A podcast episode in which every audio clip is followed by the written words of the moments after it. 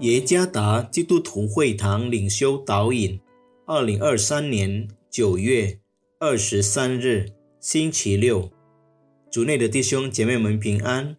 今天的领袖导引，我们要借着圣经罗马书六章二十二节来思想今天的主题：永远的生命。作者朱思杰传道。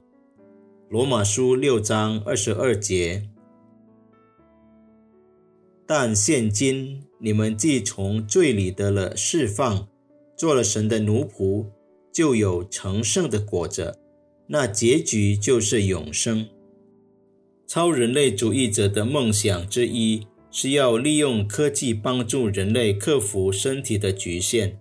他们想完成了人类这几百年来的梦想，那就是永远活在现今这个世界。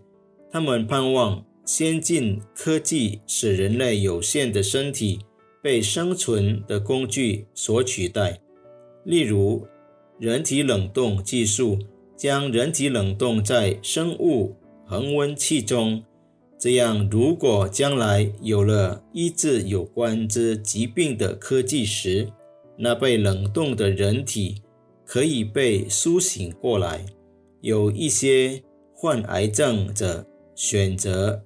这种冷冻方式不放弃对抗癌症。根据记录，最年轻的患者是两岁的 Madeline n o f a p o n 保罗也曾提过永远的生命，但是保罗所说的并不是使用科技的永存的身体，他讲的是信徒在基督里因救恩得到的永远生命。相信基督的人有永远的生命，这永远的生命与超人类主义所提倡的不同。他们所说的永生仍是指永远活在这世界，但是保罗讲的是在基督里所得的永远生命。当基督在末世再来时，这个世界就结束了。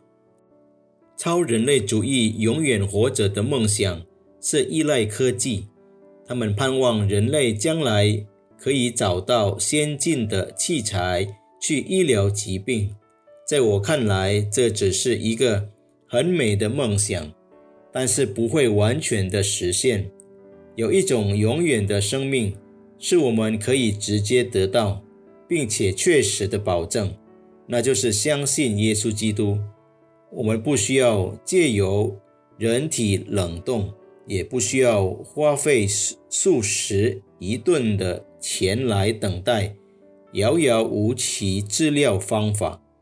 有一个确实肯定的出路，就是接受耶稣所赐的救恩，叫一切信他的人不至灭亡，反得永生或永远的生命。